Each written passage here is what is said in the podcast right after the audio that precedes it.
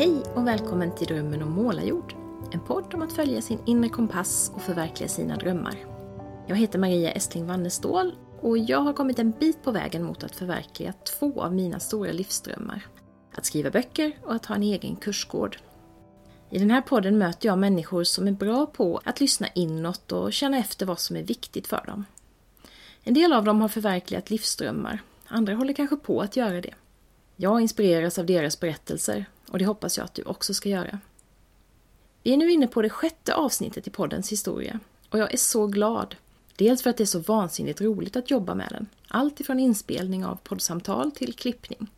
Dels för att jag fått så mycket positiv respons. Det gör mig oerhört glad och peppad att fortsätta. Den här gången ska ni få träffa en kvinna som jag upptäckte via gruppen författare på Facebook, Camilla Davidsson. Hon har gjort flera av de där sakerna som jag fortfarande drömmer om. Få sina romaner antagna på förlag, starta ett bed and breakfast och så vandrar pilgrimsleden El Camino från Saint-Pierre-de-Port i Frankrike till Santiago de Compostela i Spanien. Ända sedan jag för ganska många år sedan läste Agneta Sjödins bok En kvinnas resa och hörde henne hålla föredrag om sin vandring så har jag känt att det vill jag göra när mina barn blir lite större. Och nu har jag börjat ta små, små steg mot det målet genom att gå ut på riktigt långa promenader tillsammans med min man på söndagarna. Att köpa ett par riktigt bra vandringskängor står också på listan. Och när jag fyllde år häromveckan så fick jag i present av min äldsta dotter en tre dagars vandring i Jämtlandsfjällen. Kanske dröjer det tio år innan jag kommer iväg till Kaminon, Men små steg på vägen är ju också steg. Det tycker jag är viktigt att komma ihåg och det påminner jag mig själv om också när det gäller mina andra drömmar. Jag skriver vidare i väntan på att få förlagsnapp och under söndagspromenaderna får den där drömmen om kursgården lite tydligare konturer. Kanske är det också viktigare än någonsin att våga drömma, just nu, som en ljus motkraft mot mörkret som finns här runt omkring oss. Men nu tillbaka till Camilla. Här är hon.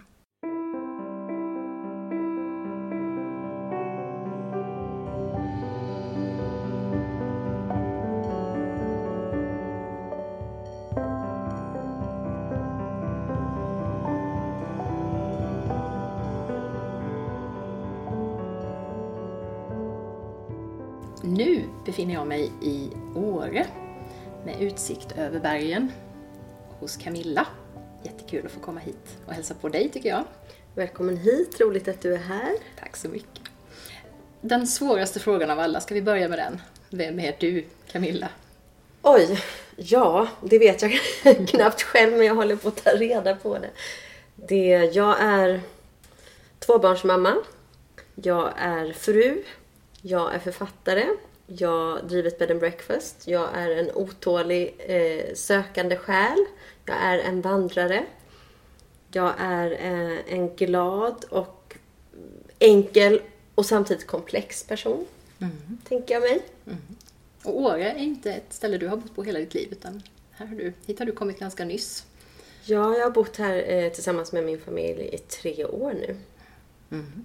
Eh, du har ju lyckats förverkliga tre av mina stora drömmar.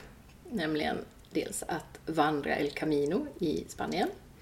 Du har skrivit böcker och lyckats få ut dem på förlag.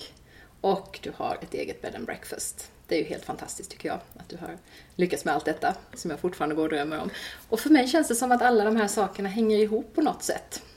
De hänger jätte, jättemycket ihop. Mm. Vill du berätta lite om hur, var började alltihop? Ja, var började alltihop? Egentligen så började allt ihop med att, som så många andra, jag gick in i väggen kring eh, millennieskiftet. Fast jag ville inte erkänna att jag gjorde det. Det var eh, helt utanför, eh, vad ska man säga, mina ramar att jag inte skulle orka. För jag var en person som hade ett väldigt tydligt sikte framåt, uppåt och nästan gärna utan trappsteg. Det skulle bara flyta på. Och när jag då inte orkade så, så mörkade jag det. Mm. Och försökte låtsas som att det var andra saker som gjorde att jag inte mådde bra. Och inför mig själv framförallt. Jag tror att omgivningen såg det mer. Jag gick några år, jobbade som bara den. Fast för varje dag som gick så blev jag mer och mer, ska man säga, livstrött. Mm.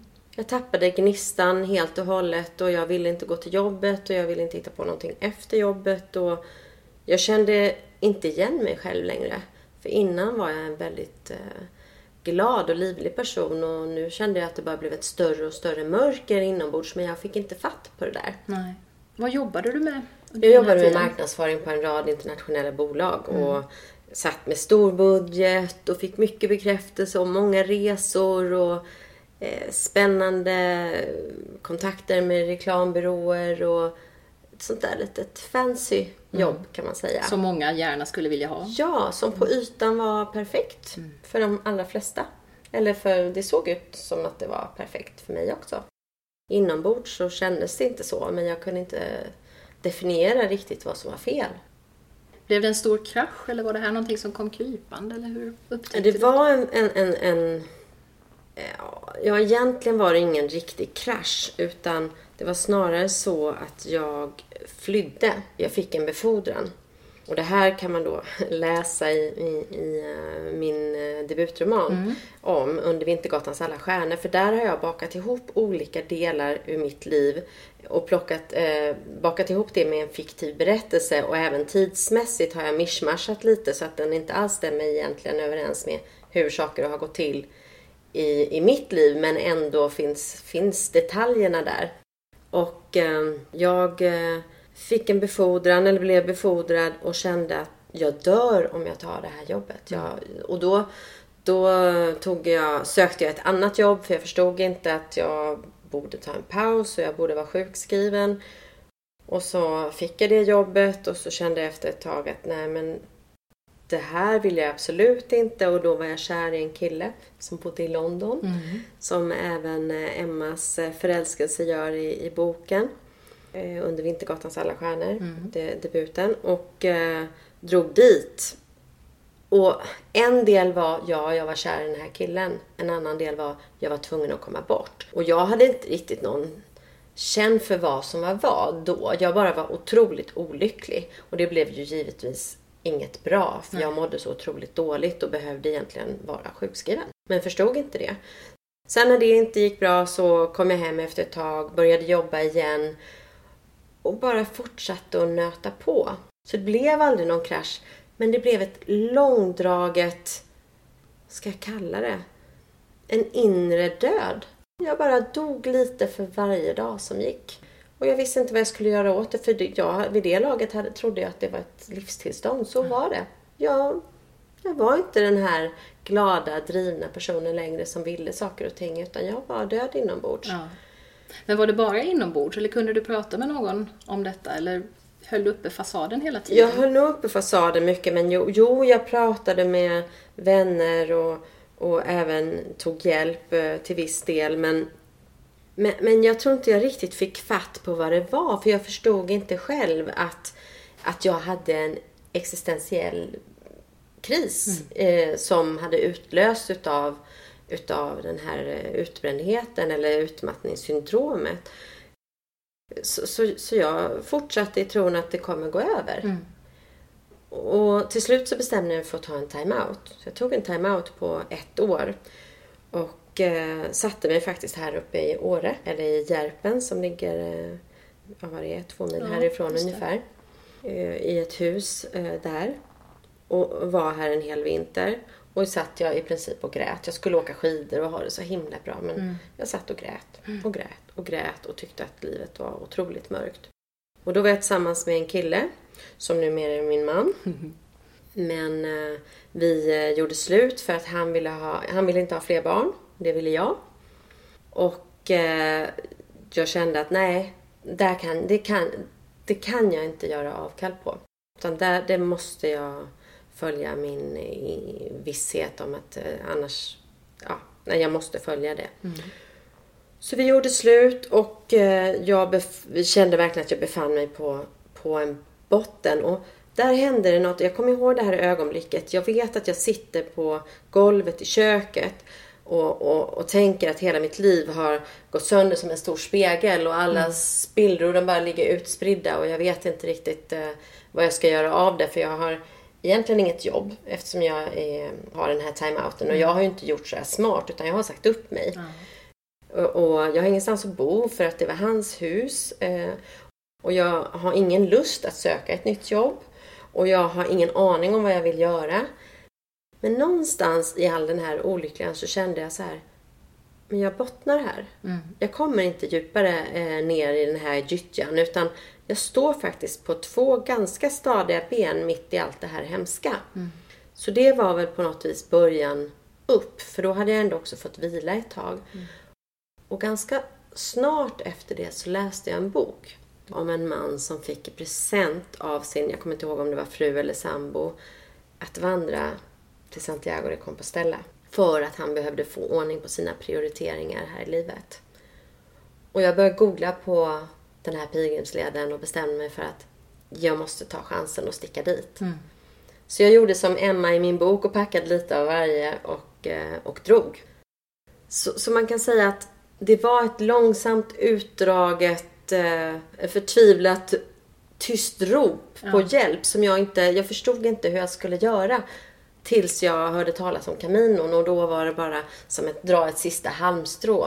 Jag åker och jag visste inte varför och jag hade aldrig hört talas om Caminon innan jag läste den här boken. Men jag bara kände att, för jag älskar att promenera och jag kände att ja men jag, dit ska jag. Jag ska vandra den här leden. Så då gjorde jag det. Och det har Och du det här- skrivit om i din bok sen. Ja, och vandringen eh, eh, som, som det står om i min bok ut, inträffar precis när jag själv vandrade. Fast händelserna, upprinnelsen till vandringen var helt annorlunda för mig än vad det var för Emma i boken. Så där har jag mishmashat ihop det jättemycket för att det ska passa storyn. Så hur var den här vandringen då? Hur upplevde du den när du gick där? För de som inte har läst boken, jag har ju gjort det så jag vet ju. Ja, och boken är inte helt sann heller. För att eh, den, har jag eh, anpassat för... Eller det som händer är väldigt sant. Men varför och, och anledningarna är kanske lite annorlunda än de som står i boken. Men jag kan säga att det var lite av en livs... eh, En vattendelare i mitt liv. Att det finns ett före och efter Caminon. För jag tror för första gången i mitt liv så tog jag mig tid att lyssna på alla de här små inre rösterna som inte hade fått göra sig hörda på flera år där jag hade bara tryckt ner. Jag tror att min inställning har alltid varit att, att försöka se det positiva i saker och ting. Och i, i det, de försöken och i den tron så har jag lite tryckt undan det som har varit dåligt och trott att det var, att det, var det rätta sättet och inte förstått att, att genom att erkänna det mörka så, så får jag fatt i mer utav det ljusa. Utan jag trodde att om jag lägger på, locket på där och fokuserar på det som är bra och spännande och positivt så kommer det att växa. Och det tror jag är ett väldigt vanligt eh, misstag och som, eh, som jag kommer skriva en del om, eller som jag skriver en del om i, i mina böcker. Eh, kanske inte så mycket i ettan och inte tvåan heller, men i trean kommer en del av det. Och, och under den här vandringen så fick jag fatt på mycket av det här mörka som, som fanns och insåg att det inte var så himla läskigt när jag väl tog upp det till ytan. Sen, sen är det ju en stor och fantastisk sak med vandringen är, för, de, för många, inte för alla men för många, att jag upptäckte vad lite vi som människor behöver. Mm. Vad litet mitt behov är, är av saker och ting och, och på Caminon eh, så är det så att ju lättare packning du har desto lättare blir din vandring och trevligare och eh, bra på alla sätt och vis. Så de flesta har ju eh, ett ombyte, ett för dagen och ett för kvällen. Folk har inte smink på sig, inga smycken, inga statussymboler. Du, du möts som människor och den första frågan är Vad har du vandrat ifrån idag? Nästa fråga kanske är Vart ska du vandra? Tredje frågan eh, Vart började du? Och var kommer du ifrån? Och så kommer den här frågan Varför är du här? Ja. Och de här frågorna de kliver förbi alla de här sakerna som vi kanske är vanligt eh, på en vanlig middag. Vad har du för yrke? Vad har du för status? Hur man på något vis mallar in någon och sen glömmer man bort att prata om det här som egentligen är väsentligt.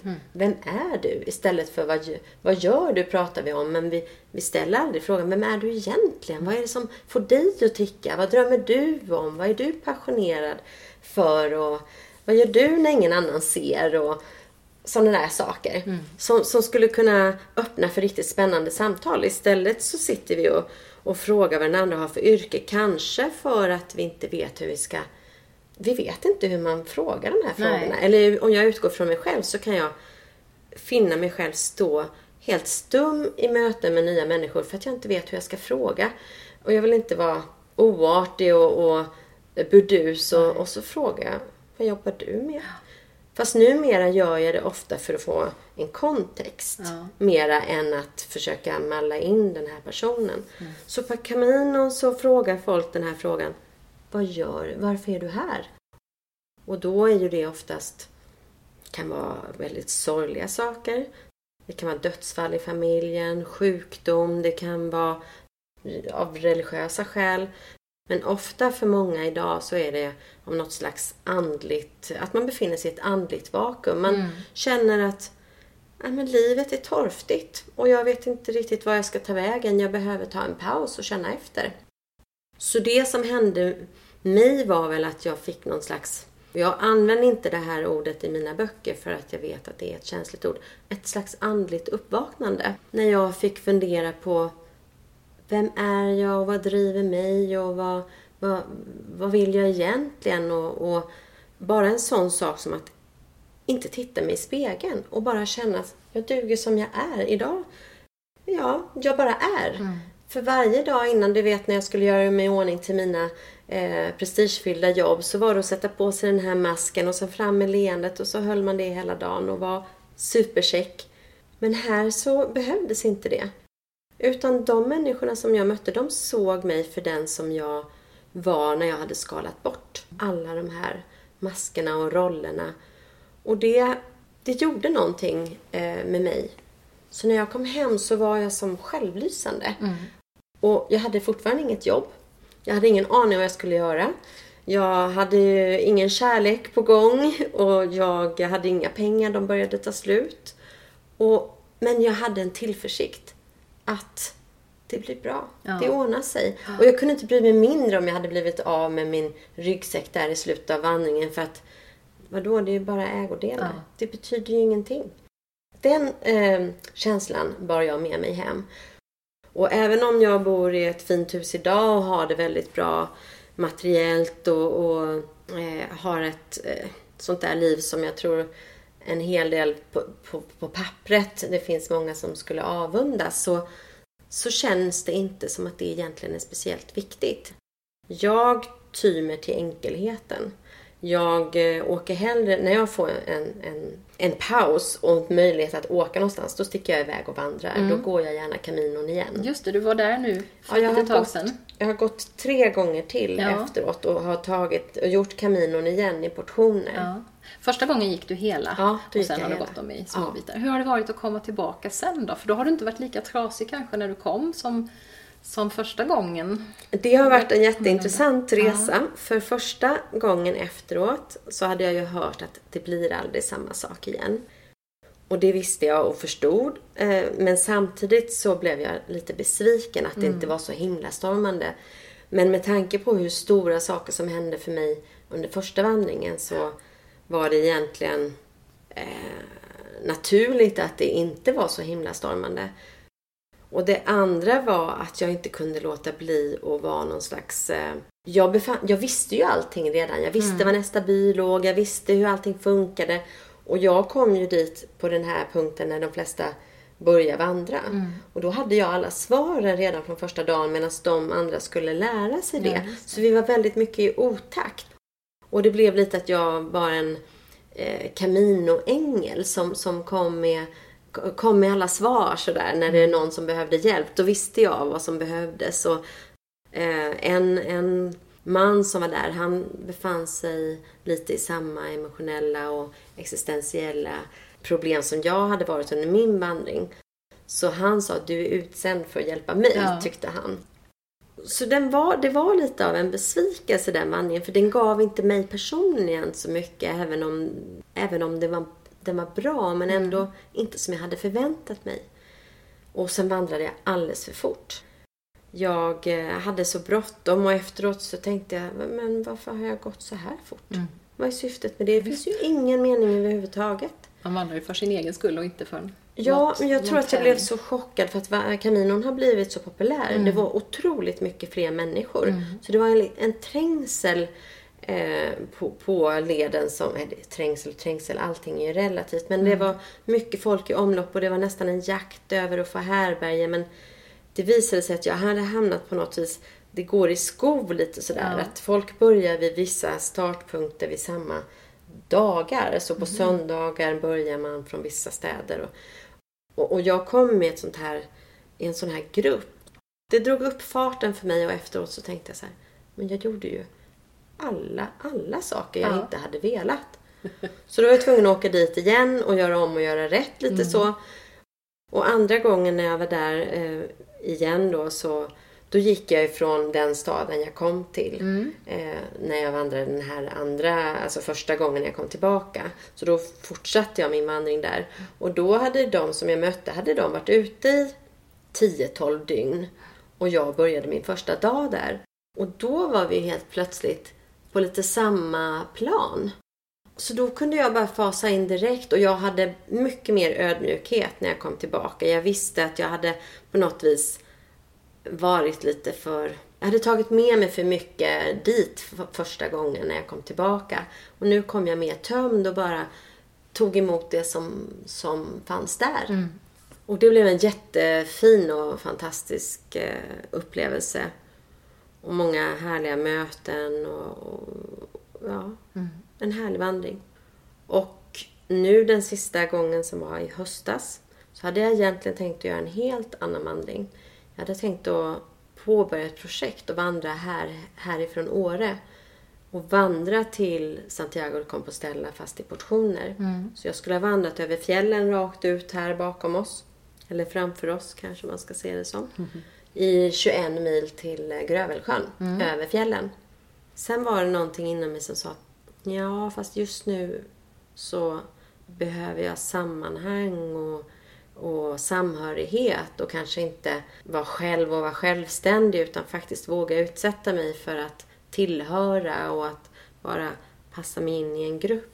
Så då valde jag i sista stund att åka tillbaka till Caminon och fick verkligen eh, det var precis, det kändes precis rätt att jag var där för att jag behövde fundera på det här med vad är, vad är viktigt. Och inför, jag märker hur det som, de här åren som har varit sedan jag började skriva, hur jag processar lite samma saker som min huvudperson. Fast på ett helt annat plan och ett helt annat vis. Och hur det, jag tar med mig det tillbaka in i böckerna. Så det är en väldigt spännande process som är svårt att förklara men som ändå är fas, fascinerande och, och häftig för mig. Som inte läsaren har en aning om men som, som jag tänker på emellanåt. En sak jag är lite nyfiken på som inte har vandrat Caminon, det är den här balansen mellan ensamhet och gemenskap. Tycker du att den, var den lätt att hitta? Eller kände du dig ensam ibland och önskade att du var där med någon annan? Jag vet ju, jag har ju läst både din bok och andra böcker och sett program och sådär. Jag vet inte, det verkar vara lite olika hur mycket man umgås med andra och sådär. Jag tror att det är olika från gång till gång och från person till person. För om jag tittar på min första vandring, då mötte jag Simon som är Peter i boken, mötte jag under alltså min första kväll på Caminon. Och vi höll ju sällskap i princip hela vandringen fast, fast jag drog mig undan många gånger för jag klarade inte av att ingå i ett sammanhang hela tiden. Så jag trivs ju väldigt bra med att vara själv men jag gillar också sällskap. Och det, det fina med, en av de alla fina sakerna med Caminon är att du är aldrig ensam. Du är oftast bara så ensam som du själv vill vara. Och, och jag tycker att det är väldigt mycket så att varje dag så finns det en slags underförstådd, eh, inte regel men ändå en lyhördhet för att var och en behöver börja sin dag på sitt eget vis. Så folk smyger ut ifrån, försöker smyga ut, alla är inte så tystlåtna. eh, det händer att det är buller och bång klockan fem på morgonen och man blir väckt ofrivilligt på de här härbergena.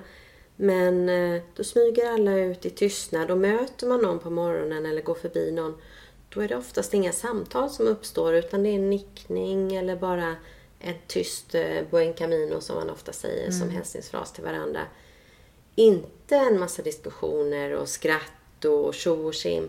Det händer förstås att en del är morgonpigga och, och kör det racet också. Men många är inslutna i sin egen lilla bubbla på morgonen. Mm. Och sen hittar de ett fik, får sin första kaffe. Och där sitter någon annan som har träffat dagen innan och så börjar man prata och sen händer det ofta att man går ut från det här fiket, kanske tre, fyra personer och pratar och har en härlig dag tillsammans. Ja. Och sen när du kommer tillbaka till härberget då går du in i dig själv igen. Tvättar dina kläder, tar en dusch, tar en siesta, vilar, skriver dagbok, bloggar, vad folk nu gör, tar en runda på byn eller stan för att se den. Och sen senare på kvällen då öppnar man upp för samhörighet och, mm. och, samtal igen genom att bjuda in alla som vill till en middag. Så mm. att om någon sitter ensam så är det oftast vi ska gå och äta, vill du följa med? En otrolig generositet och samhörighet och alla tar hand om varandra. Mm. Och det där bara uppstår? Liksom. Det bara uppstår. För eh, en del frågar mig hur, hur är det här organiserat? Men det är ju inte Nej. organiserat och det är det som är så häftigt. Den här kaminon bara ligger där och det är mm. bara att börja. Det är bara att ställa sig på... Du kan börja hemifrån eller du kan börja i någon by i Frankrike eller du kan börja i en by i Spanien och det är bara att gå. Och sen sluter folk upp på den här leden. Inga regler, inga, ingen struktur, inga guider, ingenting. Nej. Sen kan man ju gå guidade turer och mm. sånt finns såklart också. Eh, det är klart att det finns folk som ser affärsmöjligheterna och folk som behöver hjälp för att våga göra mm. den här vandringen. Mm. Passar den alla människotyper tror du? Behöver man vara lite introvert för att nej. stå ut? Nej, för nej. du har alltid möjligheten ändå att ja, få, nej. nej. En del har den roligaste tiden mm. i sitt liv för att ofta, om du möter någon här Åre är ju ganska sådär att folk hälsar. Eh, men man börjar inte prata med folk till höger och vänster. I stan börjar du definitivt inte prata med den första eh, bästa människa du känner, eller träffar på för då tror de att du är lite knäpp. Men på Caminon så har du på något vis det är som att du bara, det är tillåtet att börja, om någon råkar gå förbi dig så, ja tjena vad kul, hej! Och så börjar man prata och sen helt plötsligt så är man vänner för livet. Ja. Så att det uppstår sådana otroliga möten och det är ju, om du frågar någon efteråt så är det ju inte, den, det är inte ensamheten folk drar upp som det som har varit så speciellt Nej. med Caminon. Utan det är ju mötena med mm. människor och den här samhörigheten och generositeten och, och kärleken som uppstår. Har du haft kontakt med de här människorna sen i efterhand också? Eller är det, stannade på Camino som man brukar säga det här med Yeah, what happens on the Camino stays on the Camino. Ja, ja det, är ju, det uttrycket kan ju betyda en väldig massa olika saker. Det händer ju mycket olika. Många som blir kära på Camino, många som blir vänner för livet. Många... Nu, jag tror sen Facebook kom till så har det ju ändrats något otroligt. För då hookar du upp på Facebook redan under tiden du vandrar ja. eftersom folk har sina smarta mobiler med sig. Så då har du ju helt plötsligt, från den här vandringen har jag kanske 10-15 nya kompisar och när ja. jag alldeles nyss var på en kurs eh, i New York så var jag och träffade en utav, eh, eller två träffade jag från Caminon. Men från min första vandring så har jag inte kontakt med någon. Jag hade kontakt med eh, några stycken av dem efteråt. Men, men eh, det ja, försvann med tiden. Mm. Om vi ska gå tillbaka till den första vandringen. När mm. du kom hem sen, vad hände då? Hur, hur var du, på vilket sätt var du förändrad och vad, hur blev ditt liv efter det? Ja, det, det, det hände väldigt mycket väldigt fort kan man säga. Mm. Jag kom hem som en sol och bara strålade och hade som jag sa innan inte en aning om vad som skulle hända. Och när min eh, före detta pojkvän såg mig så var det som att han tänkte, henne ska jag ha. så då helt plötsligt så kom han till mig en dag och säger att du, eh, ja, jag har insett här under sommaren utan dig att jag, det är ju dig jag vill vara med. Och om det betyder barn så får det bli barn. Varpå jag säger att ja, men jag har tröttnat på det här fram och tillbaka som vi har hållit på med i några år. Så då är det skarpt läge direkt, säger jag. Och ett par veckor senare så är jag gravid med tvillingar. Wow. Så det var ju en...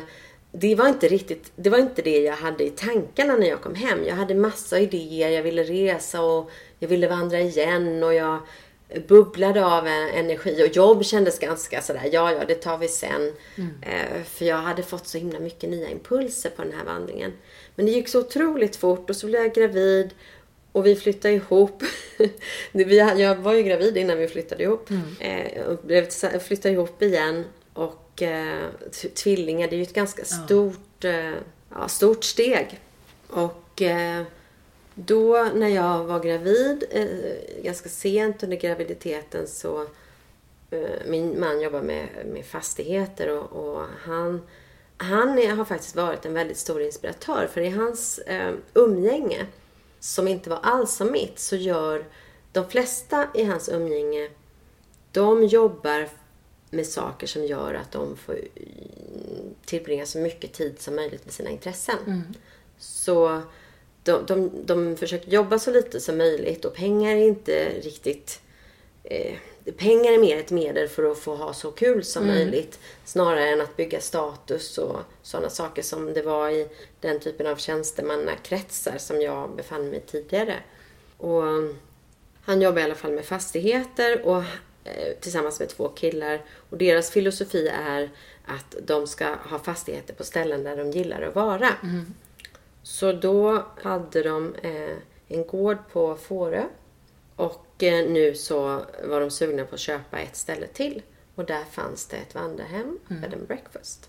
Och när jag hörde att de funderade på att köpa den, för de ville inte ha verksamheten, de ville ha gården för den låg så vackert. Mm. Det så vackert ljus där. Och då sa jag, ja men den kan jag driva, det passar perfekt. Det kan jag göra med, när jag är mammaledig, tyckte jag. Det är 60 med tvillingar. Ja, med tvillingar. Och det är 60 bäddar. Ja. Så det är ju inte så lite. Men det förstod ju inte jag då. Och det var ju tur. För eh, de köpte gården och jag eh, tog över driften av Fårögården som det heter. Och eh, jag först, första året, vet du, jag förstår inte hur det gick till. Hur jag fyllde en hel säsong, fullbokat hela ja. sommaren med, med gäster. Samtidigt som jag ammade två små, små barn. De var ju nio månader när, när sommaren började. Ja. Och i slutet av sommaren så var det en, en utav mina vänners eh, mamma som var där och hon sa det till sin dotter att jag ville ta med henne hem. Mm. Hon såg så trött och sliten ut. Och jag kommer inte ihåg dem, jag ska säga jag kommer inte ihåg de tre första åren. Eh, från efter att jag fick barn. För att eh, jag sov nästan inte. Jag eh, visste inte det då men jag eh, har insett i efterhand att jag tål inte koffein. Så jag tog en kopp kaffe på förmiddagen och en på eftermiddagen för att orka mm. vara vaken med de här två extremt livliga barnen som jag har fått. Eller vi har fått. Och eh, sen när de sov senare på natten, eller i början var jag uppe tio gånger per natt. Men sen när de började sova så sov jag fortfarande inte. Så jag gick tillbaka i någon, nästan en utbrändhet mm. under de här tre första åren. Och så, så jag, var, jag, jag sov och tog hand om mitt bed and breakfast och var i all, allmänhet ganska nere under isen. Mm. Inte egentligen för att jag inte trivdes med situationen utan för att total brist på sömn. Och, och, efter ett tag så kände jag att ja, men jag behöver hitta en väg ur. Dels så kom jag på, jag började laborera lite och upptäckte att jag faktiskt mådde bättre om jag råkade att jag sov om jag inte hade råkat dricka kaffe en mm. dag. Så då började jag laborera med det där och till slut så fattade jag hur det låg till. Och då förändrades mitt liv ganska ja. radikalt faktiskt. Så jag kan tipsa alla som har svårt för att sova att de faktiskt åtminstone testar och mm. ser vad som händer om de inte dricker kaffe. Hur som helst så eh, efter att eh, när barnen var tre ungefär bestämde jag mig för att för jag hade fortfarande lite av en... När, när kaminon hade lagt sig, lite av den här inledande wow mm. och lite av den inledande wow, jag har fått tvillingar. Och, och, och jag mest var ganska trött och började komma tillbaka den här lite livsledan. För jag hade ju fortfarande inte kommit på vad jag verkligen ville göra med mitt liv. Och, och även om det är fantastiskt att ha ett eh, bed and breakfast och vandrarhem så 60 bäddar är ett stort eh, åtagande. Mm. Skötte du det helt själv då? Jag hade två personal som städade mm. men jag stod där varje morgon, varje eftermiddag och tog mm. hand om gästerna. Och jag har 8-10 pärmar från varje säsong med mm. alla papper. Det var en himla massa papper som jag höll på med. Så det var otroligt mycket jobb. Från mars fram till september mm. så var det Ja, från mars till juni så var det ju varje dag och sen var det 24-7. Mm. Lite, inte riktigt men hela, hela, hela tiden. Så när hösten väl kom, då var jag ju rätt slut. Så jag började i alla fall eh, hitta en kurs i personlig utveckling. Och jag kände att ja, men det, det är någonting som saknas och jag har ingen aning om vad. Men jag eh, är på rätt spår för jag vill inte tillbaka till det jag kom ifrån. Så långt hade jag förstått. För om det var, Ibland så brukar man säga att man får det man behöver och det man klarar av. Och om det är någonting som jag tror att det här att få tvillingar gav Mm. mig. För jag är sjukt envis. Jag hade, hade jag fått ett barn, då hade jag blivit en sån här lattemamma som hade tagit barnet under armen.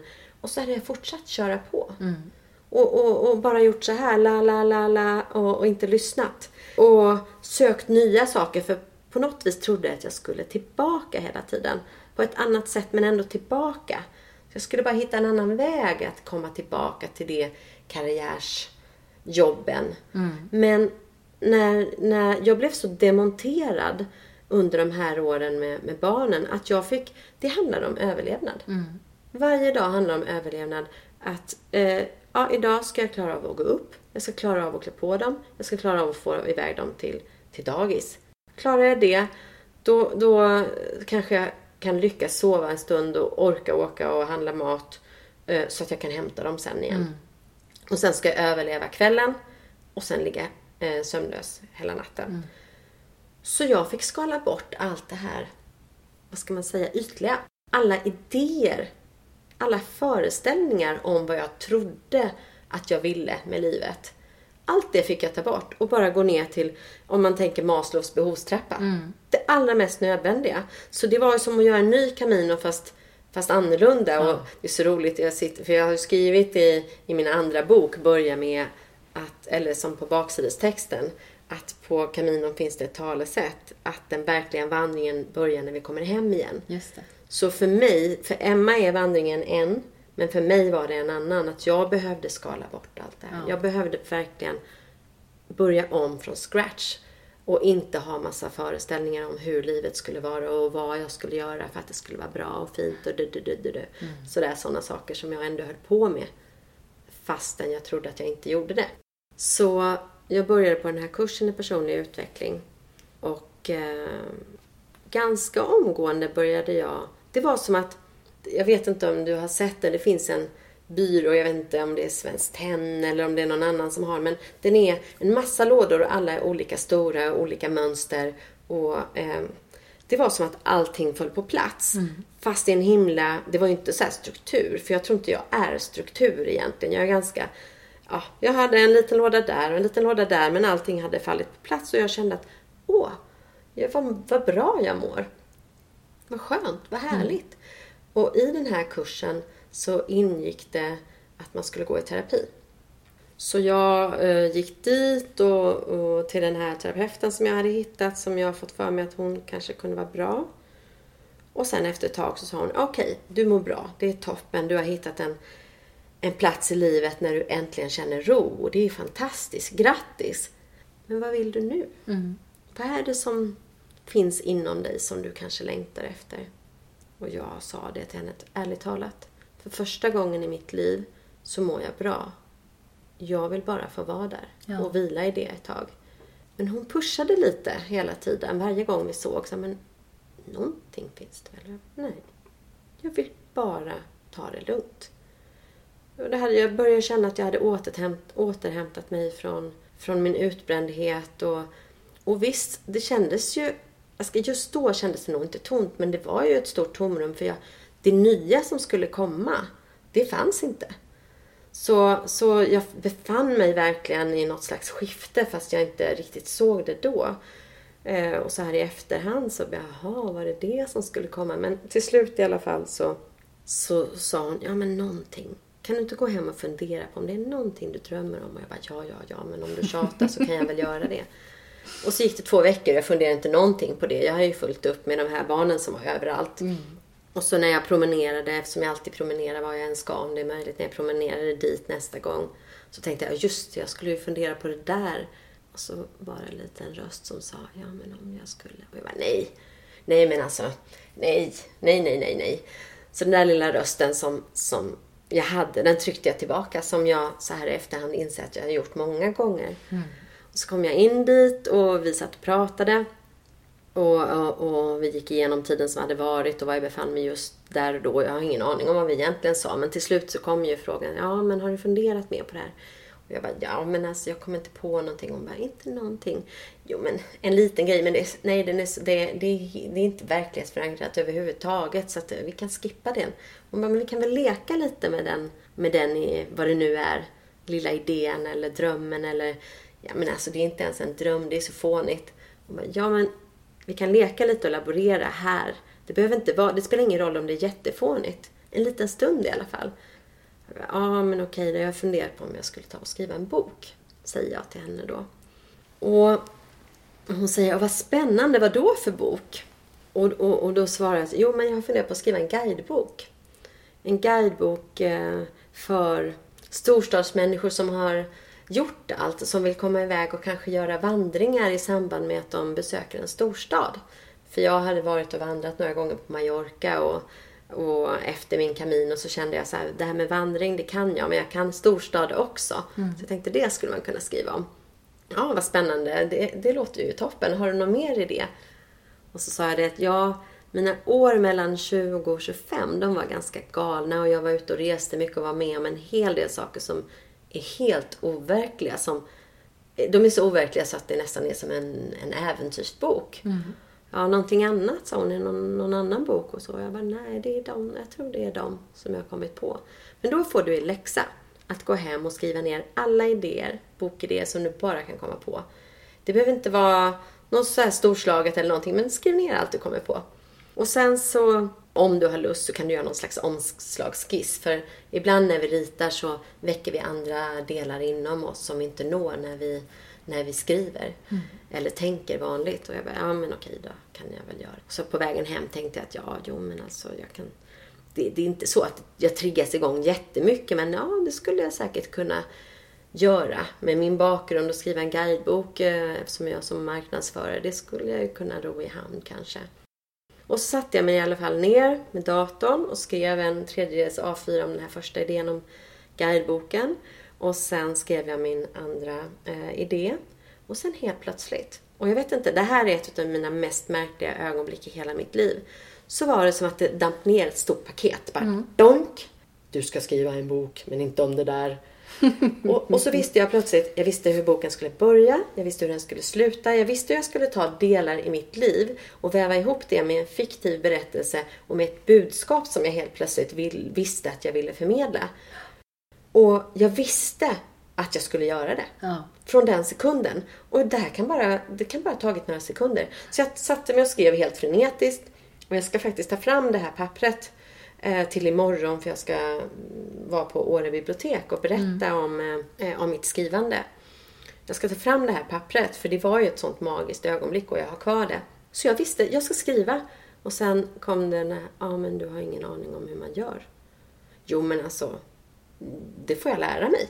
För tillsammans med det här paketet så kom det, till, det var som att någon fyllde på en en bägare med outsinlig energi. Mm. Helt plötsligt så hade jag envishet, energi, eh, engagemang, drivkraft. Jag bara skulle genomföra det här projektet. Det, det dök upp från en, sekund, från en sekund till en annan så vändes hela mitt liv. Mm. Det här ska jag bara göra. Och så började jag. Och jag hittade ganska snabbt, jag insåg att jag kan inte det här. Jag, menar, jag är van att skriva så kort och koncist som möjligt. Och nu ska det bli 300 sidor. Mm. 300 sidor, det är sjukt mycket. Så jag hittade en eh, skrivlärare som hade en kurs på, på webben. Där man fick textåterkoppling, 10 sidor åt gången. Mm. Så då, och så fick man ett kursbrev. Så då skickade jag 10 sidor till henne fick en återkoppling och så eh, fortsatte jag skriva så jag kunde skicka tio nya och så var det ett kursbrev som handlade om olika saker varje gång så jag lärde mig lite nytt hela tiden. Och så efter ett tag så sa hon att jag tycker din story verkar jättehärlig och bra men, men jag blir inte berörd. För att eh, eh den, du, all, du, skriver alldeles för beskrivande. Mm. Du behöver gestalta. Jag bara, gestalta, vad är det? Jag hade ingen aning om vad... För jag, du vet, jag har läst massor av böcker men om man inte skriver själv, de flesta av oss tror jag inte funderar riktigt på hur författaren gör. Nej. Så jag fick börja nysta i, ja men vad innebär det egentligen? Hur, hur skriver folk? Så jag började läsa böcker på ett annat vis. Jag hittade skrivhandböcker. Jag gick med i olika forum om skrivande. Och jag bara fortsatte och fortsatte och fortsatte. Och varje gång så blev mitt manus lite mindre dåligt, kan man säga i början. Och sen vände det till att bli lite mer bra. Och sen tog jag in testläsare när jag började känna mig tillräckligt trygg. Och därefter så eh, till slut så tog jag en professionell lektör som sa att ja, du är på väldigt god väg, du behöver träna på de här och de här sakerna. Och har du funderat på om du inte kan kasta om det lite på det här viset? Och, och, och, och så till slut så kände jag så här, ja, men nu är det dags Mm. att skicka till förlag. Ja. Så att, eh, det hände väldigt mycket efter min vandring på väldigt kort tid. Men, Ja. men organiskt. Jag kan inte säga vad som har varit att, att det är en, en dröm som jag alltid har haft. Nej. Utan jag kan säga att det har varit en, en inre process som har varit i, i pågående. För när jag tittar i gamla papper så ser jag ju att jag har haft jag har haft en dröm om att göra någonting annat. Jag har, haft, jag har drömt om att tänka annorlunda, vara annorlunda, komma ur det här konforma. Fast jag har verkligen inte vetat hur. Så jag, jag tänkte mycket innan, på, innan du skulle komma. Vad är, vad är flykt och vad är längtan? Och vad, vad skiljer de båda åt? Och jag tror att jag, jag flydde för att jag längtade. Eh, jag, men jag visste inte riktigt vad jag längtade till. Men nu idag så kan jag ju se att, att eh, även om det är klart att det finns mörka och inte toppensidor i mitt liv idag också. Men jämfört med det livet som jag levde när jag sprang häcken av mig på något av mina prestigefyllda jobb. Så eh, det är så otroligt rofyllt och givande och meningsfullt. Jag känner att jag, jag bidrar med, med någonting som jag tycker är viktigt. Och det, det jag skriver är jätteviktigt tycker jag. Och så gör du saker för dig själv och inte bara för att någon annan förväntas sig. Men jag gör ju i princip ingenting för att någon förväntar Nej. sig av mig. Och sen ibland får jag ju frågor om jag vill göra någonting och då tar jag ställning till det. Mm. Vill jag göra det här eller vill jag inte? Och hur viktigt är det här för den andra personen? Så jag väger ju och mäter saker och ting som... Jag har blivit extremt duktig på att säga Mm. nej. För efter utbrändheten var det en sak som jag fick träna på. Att säga nej. Mm. Och nu har det mera, på, på, på de senaste åren har jag börjat träna på att säga ja. Men jag, jag har ett litet utgångsläge att jag, jag, jag tänker nej först och sen får jag känna efter. Så det är inte bara ja, ja, ja som jag vet att jag gjorde innan och som Nej. jag vet att många gör för att man inte förstår att man har rätt att, att känna efter och tycka vad, vad vill jag egentligen? Nej. Och sen hade du fantastiskt flyt för du blev ju antagen mer eller mindre direkt va? På förlag. Ja. Ja. Ja, det som hände, och det var också ganska lustigt för att det var lite, och det här låter jätteflummigt, men dels så hade jag den här starka känslan av att jag ska skriva den här boken. Jag menar, jag hade aldrig skrivit en, en rad innan som var menat att det skulle bli en roman eller så. Så jag började verkligen den dagen att skriva en bok. Eh, sen så har jag insett efter, i efterhand att jag faktiskt har funderat många gånger under åren på att skriva. Men, men då började jag. Och eh, på något vis så hade jag ganska tidigt en känsla av, och det här, är, det här får du ta för vad det är, men att, att vara buren. Att jag gjorde det här för att det var, fanns en mening med det. Och det, jag tror att många som skriver, eh, och i kreativitet finns det ju en sån känsla när man, när man eh, kommer in i flow. Att man känner att texten kommer någon annanstans ifrån. Och det här är svårt att förklara för någon som inte har varit med om det själv. Men, men jag hade en, ofta en sån känsla av, av att jag var nästan som ett medium. Eh, Och jag är ju inte den flummiga typen så, så det var ingenting som jag direkt pratade om. Och när folk frågade, tror du att det kommer bli en, alltså kommer du bli utgiven? Kommer du, eller, eller vad tror du? Och då fanns det en del av mig som bara, nej jag vet inte, alltså hur, inte ska väl jag och varför ska, nej det tror jag inte. Sen fanns det en del inom mig, i ryggmärgen eller mitt inre, min själ som visste att det är klart att du ska bli.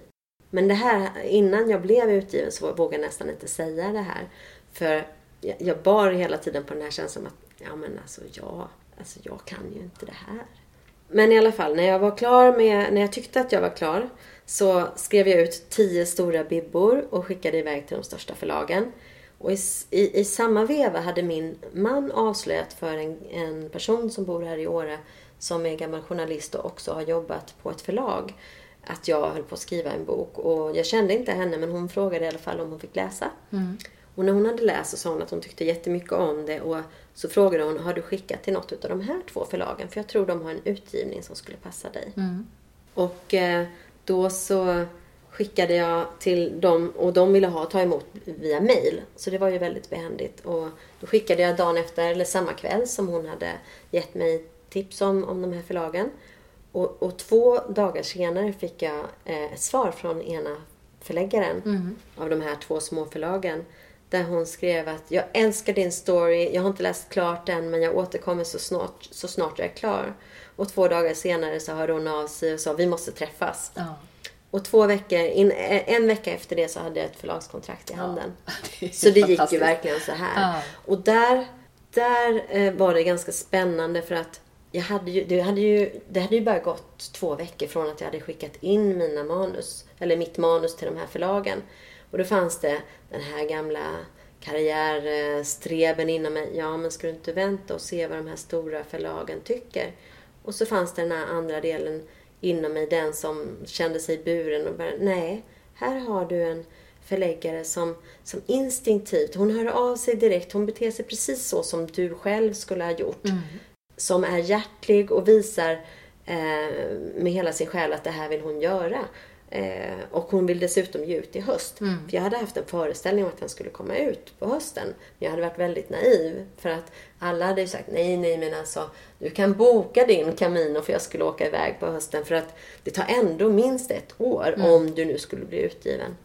Så då hade jag ju gjort det. Och jag hade till och med sagt så här, bara för att jag gör det så kommer jag ju bli utgiven.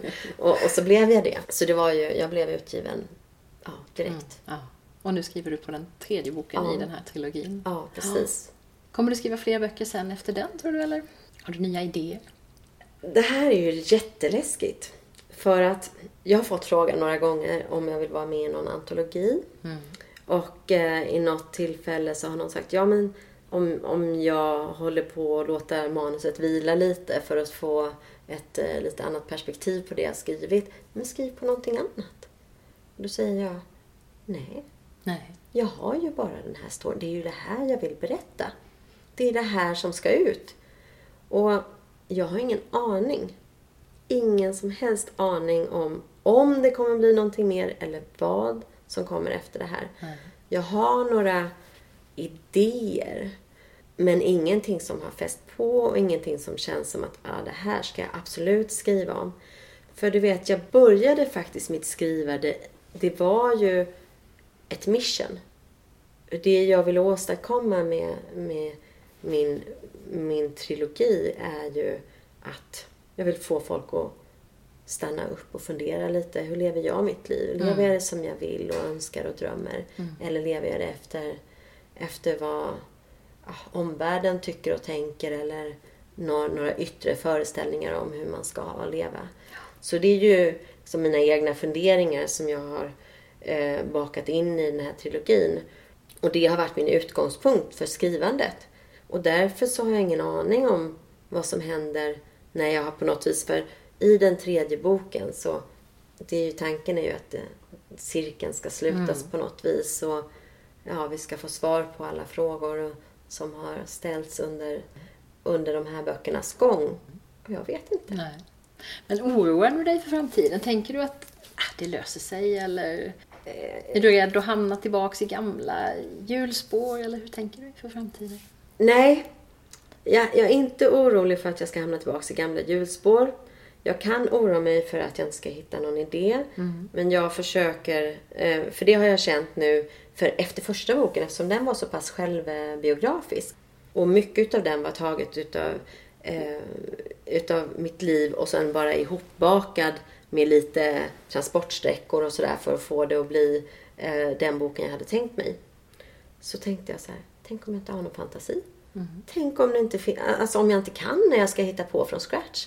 Och så visade det sig i andra boken att det var mycket lättare att hitta på. När jag inte behövde förhålla mig till någon slags sanning. Även om jag har förvanskat och ändrat om en hel del och, Och personer som inte finns och en del personer som finns har jag gjort om för att det ska passa mina syften och, och lite sådär. Så, så var det ändå sanning som jag inte kunde låta bli att förhålla mig till. Mm.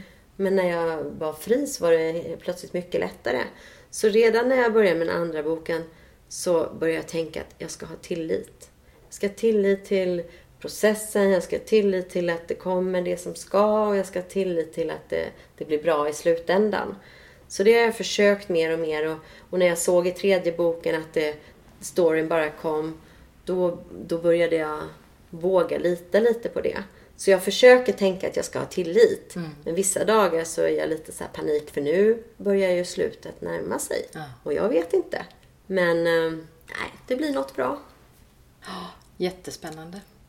Tack så hemskt mycket för att jag fick prata med dig och lycka till nu med framtiden, vad den än blir. Det ska bli hemskt roligt att följa dig och se vad du kommer att göra framöver. Ja, det ska bli spännande tycker jag också. Tack för att du ville komma hit. Det var jätteroligt.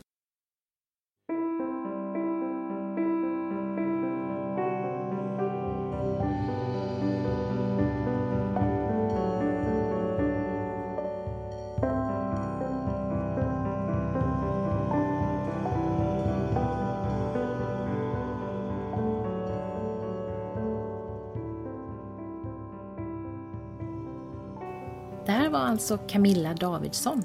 Vilken otrolig resa hon har gjort. Och på många sätt så finns det paralleller mellan hennes liv och mitt. Idag bor hon i Åre, men vi har upptäckt att vi är uppväxta bara några mil från varandra här nere i Småland. Jag gick i väggen, eller var åtminstone nära den, ungefär samtidigt som hon. Vi har båda lämnat prestigefyllda jobb bakom oss för att lyssna inåt och göra det som känns mer rätt. Camilla ligger förstås ett par steg före mig, men kanske står jag där också en dag i mitt bed and breakfast med en förlagspublicerad roman i min hand. I min hjärna känns det faktiskt inte så förfärligt omöjligt. Nu börjar det bli dags att avsluta det hittills längsta avsnittet av den här podden. Och då hann vi ändå inte prata mycket om Camillas vandrarhem på Fårö. Men snart ska jag träffa en annan gäst att prata den typen av verksamhet med. Håll utkik! Och det kan du bland annat göra genom att gilla Drömmen om Målarjords Facebook-sida eller så kan du prenumerera på nyhetsbrevet som du hittar på www.drömmenommålarjord.se. Och som jag berättade om förra gången så kan du numera följa podden på iTunes eller direkt i din podcastapp. Tusen tack för att du tog dig tid att lyssna och väldigt varmt välkommen tillbaka. Ha en fin första adventshelg och sprid ljus och kärlek. Hejdå!